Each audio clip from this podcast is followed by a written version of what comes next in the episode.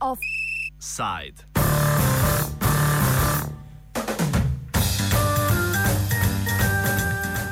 Humanitarna konfuznost.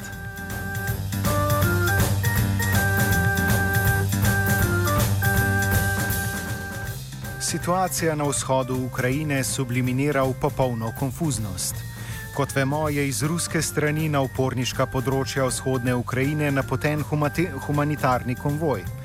Konfuznost se odraža predvsem pri obnašanju kijevske strani.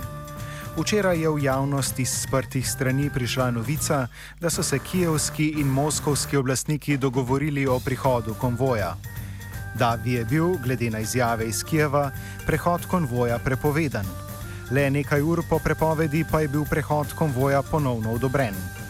Obenem naj bi konvoj sprva prečkal ukrajinsko mejo v Karkovski regiji, kjer ima kontrolo ukrajinska vojska, zaradi umestne prepovedi pa naj bi bil sedaj usmerjen prek Luhanske regije, kjer so pred tednom dni kontrolo prevzeli uporniki.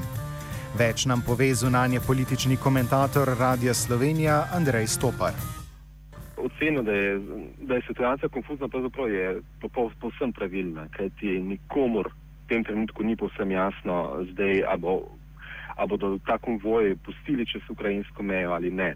Težav je tukaj več, namreč na začetku je bilo, kolikor sem jaz seznanjen, načrtovano, da naj bi ta konvoj prestopil mejo nekje, uh, nekje blizu Harkova, skratka Harkovska regija uh, Ukrajine, ki jo seveda ukrajinska vojska povsem nadzoruje in tudi ta meja je povsem pod nadzorom ukrajinskih oblasti. Uh, Potem so se pojavile novice, da naj bi ta konvoj vendarle pristopil mejo iz Rostovske uh, regije, to je v Rusiji, direktno v Lugansko, torej Ljudsko republiko. Tista meja pa je izrazito problematična, kajti kot je znano, tam uh, popolnega nadzora z ukrajinske strani ni. Zakaj je to pomembno? Pomembno je zato, ker je konvoj zelo dolg, je dolg 3 km, veliko, skoraj 300 tovornjakov. In uh, uh, ukrajinska stran se boji, da na tistem konvoju ni zgolj humanitarna pomoč, ki jo navajajo, ampak da je tudi orožje ali še kaj drugega, kar bi, kar bi kakorkoli koristilo upornikom. Torej, ne prizadetemu prebivalstvu, ampak upornikom. Zato se pojavljajo vse ta vprašanja. Zanimiva je tudi vloga Mednarodnega rdečega križa, ki, ki ima patronat nad tem konvojem, pa tudi predstavnikom Mednarodnega rdečega križa ni pravzaprav povsem jasno, očitno, tako sklepam po poročilih iz, iz regije, um, kaj, se tem, kaj se s tem konvojem pravzaprav dogaja. Kakšni so razlogi za nasprotujoče si izjave iz Kijeva? Razmere, kar zadeva razmere v Donetsku in Lugansku, so um, so zmeraj bolj zapletene, informacije o njih pa tudi zmeraj bolj nasprotujoče si. A, seveda vprašanje humanitarne pomoči iz Rusije je za Kijev a, v političnem pogledu lahko problematično. Namreč Rusija v Kijevu oziroma v Ukrajini nasplošno in na Zahodu pravzaprav nasplošno velja za agresorko in agresori običajno prizadeti strani ne pomagajo s humanitarno pomočjo. Skratka, to je lahko z političnega stališča za Kijev zadrega. Po drugi strani pa uh, zaupanje je izjemno globoko, oziroma obratno, nezaupanje je izjemno globoko in dejansko se bojijo, da ne bi s to humanitarno pomočjo zdaj, ko poročajo, da ukrajinska vojska vendarle doživlja neke določene uspehe in stiska upornike v broč, da ne bi ti uporniki dobili nenadoma zdaj v tem ključnem trenutku uh, tudi vojaško oziroma pomoč v orožju. Reportaže o situaciji so si nasprotujoče. Po eni strani ukrajinska vojska obkroža mesti Donetsk in Lugansk, po drugi strani se je pred tednom ukrajinska brigada v tako imenovanem Južnem kotlu predala in pretekla v Rusko federacijo, ostanki pa naj bi bili uničeni. Kako je možno dobiti v pogled v resnično dogajanje? Nadaljuje Andrej Stopar te, odvisno, katere medije sledite, kajti uh, podoba je popolnoma uh, obratno, primo, torej obratno so razmerna. uh, težava je v tem, da, da ukrajinska stran trdi, da doživlja uspehe in težava je v tem, da uporniki oziroma ruska stran prav tako trdijo, da uporniki doživljajo uspehe. Zdaj, ta tako imenovani južni kotov, to je po, po, območje južno od Luganska, um, um, to je tak zaprt držet med Luganskom in ukrajinsko-rusko mejo je bilo problematično že vse čas, kajti tam so se ukrajinske enote dejansko znašle v obroču. Za hrbtom so imele mejo, pred seboj pa upornike. Zdaj, poročila, ki prihajajo tam, so različna. Zdaj, nedavno tega, torej mislim, da par dni nazaj, so sporočali, da je vendarle tam ukrajinskim vojakom uspel preboj in da, in da so pravzaprav se iztrgali iz tega obroča. Če sledite ruskim medijem, je zgodba popolnoma drugačna, torej obratna, namreč so ljudje, torej vojaki še zmeraj tam in še zmeraj stisnjeni v obroč z izjemno nizko bojno moralo, eh, brez, eh, brez streljiva in brez hrane. S to zgodbo, oziroma s tem, s tem, s tem, s tem geografskim s tem položajem povezano, je tudi so tudi te zgodbe o množičnih dezert, dezert, torej primerih dezertiranja, dezerterstva strani ukrajinskih vojakov in prebegov na rusko ozemlje. Um, namreč zakaj? Ti vojaki so se dejansko lahko umaknili samo v Rusijo. Tam drugače uh, manjerskega prostora niso imeli. Um, tudi ta zgodba je nenavadna, kajti če je Rusija v tem primeru agresorka, je nenavadno, da sprejema tuje vojake in jih potem po drugi poti vrača nazaj v Ukrajino. Kajti, če so to dejansko dezerterji, potem bi v Ukrajini moralo soditi vojaško sodišče in izročitev teh ljudi ni v skladu z, z, z mednarodno, mednarodnim pravom. Po drugi strani pa v Ukrajini trdi, da ne gre za dezerterje, ampak za ljudi, ki so se predstavili za vojsko, ki se je bila prisiljena umakniti, ampak ni dezertirala in zato sprejmajo te vojake nazaj. Kar seveda še dodatno povzroča uh, zmedenost, kajti dejansko nihče ne ve, kaj se tam na terenu dejansko dogaja. Na koncu dneva so pod največjim udarom lokalni prebivalci. Zgodba je zelo, zelo zmedena in verjetno nek določen unikum sploh v zgodovini.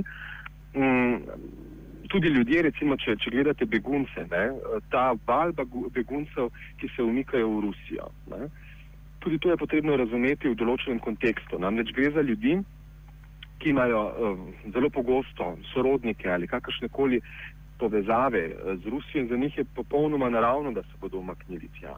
Potem so ljudje, ki so seveda prepričani, da, uh, da je torej po, uh, mesto Ukrajine nekje zraven ali po tesni povezavi z Rusijo. Gre pa tudi za ljudi, ki se preprosto želijo umakniti iz območja spopadov, ker nimajo druge rešitve in je najlažja, najbližja ali pa sploh edina mogoča pot pravzaprav v Rusijo. Ne glede na to, ali se oni s to politiko ali pa s pozicijo Rusije strinjajo ali ne. ne. Tudi to je treba pravzaprav povedati, da, da tudi zgodba z begunci ni enoznačna. Kajti mnogi bi se umaknili tudi drugam, recimo v Ukrajino, globjo v Ukrajino ali na zahod Ukrajine, če bi imeli fizično možnost za to, ampak pogosto je nimajo.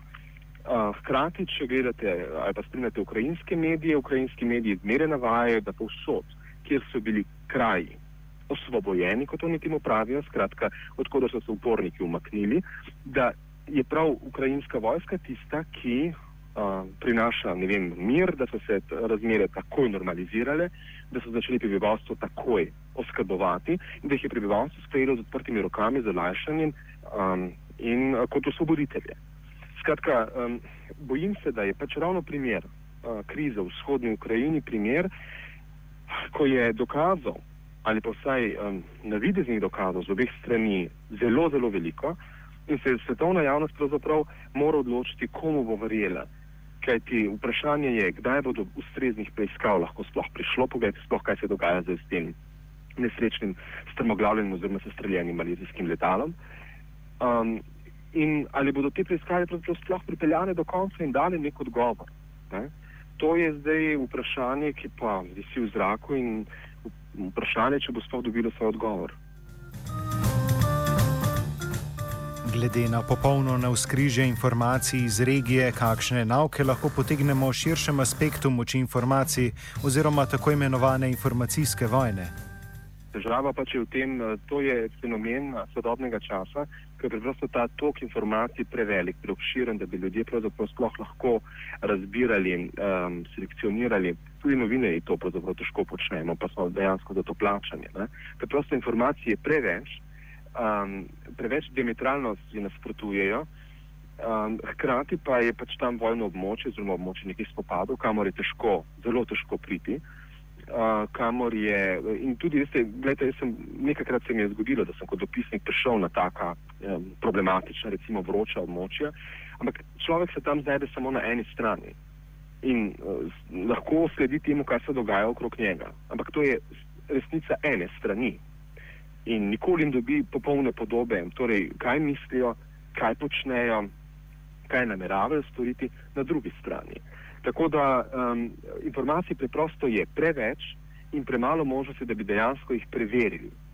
Uh, in jaz mislim, da je to pravzaprav ta, ta ključen problem, s katerim zdaj danes uh, opazujemo to nesrečno Ukrajino. Pa še nekaj je. Ne? Um, se, to so ljudje, ki se seveda Ukrajinci in Rusi razlikujejo do neke mere, ampak vendar so se zelo blizu, zelo sorodni uh, za neko. Vse, kar zadeva vzhodno Ukrajino, oziroma Ukrajince iz vzhodne Ukrajine, za neko zelo podobno logiko. Skratka, to so fanti iz istega gnezda, če želite. In, um, in uh, njihova dejanja in način razmišljanja je precej podoben. Skratka, imamo dve nasprotujoči si strani, ki, strani, ki delujeta na precej podoben način. In, uh, in tudi to oblikuje en fond enih informacij, ki so si podobni, ampak morajo biti zaradi pot, njihovih potreb in zaradi politične, geopolitične situacije nasprotne, skratka obratne. Ne. In tudi tukaj je težko najti mero, do, kako zdaj mi te informacije presojamo, jih presejamo, kako jih posredujemo dalje. Jaz se zatekam zmeraj pač k metodi, za katero mislim, da je pač preverjena. Ko vidim po agencijah, da se je nekaj zgodilo, začnem slediti in ruske in ukrajinske medije in opazujem, kaj oni o tem poročajo. Ne. Ampak težava pač je, ne, da vsi dajo neko argumentativno sklenjeno podobo, ki pa je, ki pa je popolnoma obratna. Ne. In v končni fazi tudi jaz moram nekako odločiti, da zbro kateri strani bom v danem primeru, v danem trenutku bolj verjel.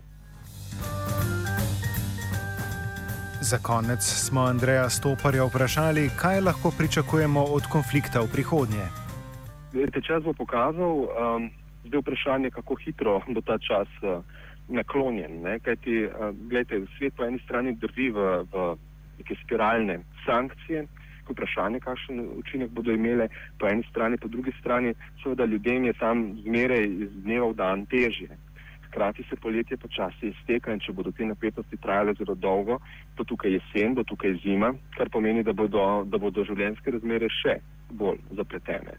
Tako da um, za vse, pravzaprav, predvsem pa za ljudi, ki tam živijo, bi bilo najbolje, da se ta čas izteče čim prej, skratka, da postane jasno, kaj se bo zgodilo, da najdejo neko, neko rešitev, čeprav jaz osebno neke rešitve v tem trenutku sploh ne vidim, kaj te razmere so šle tako daleč, da bo tem ljudem zdaj silno težko živeti drug z drugim.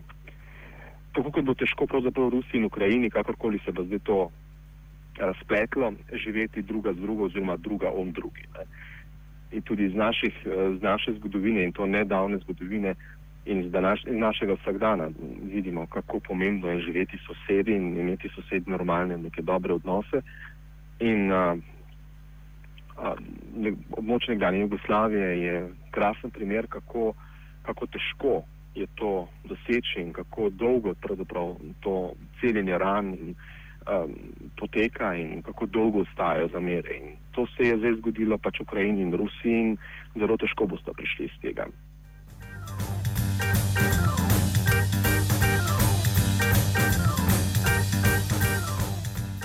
Offside je pripravil Anže Kožuh.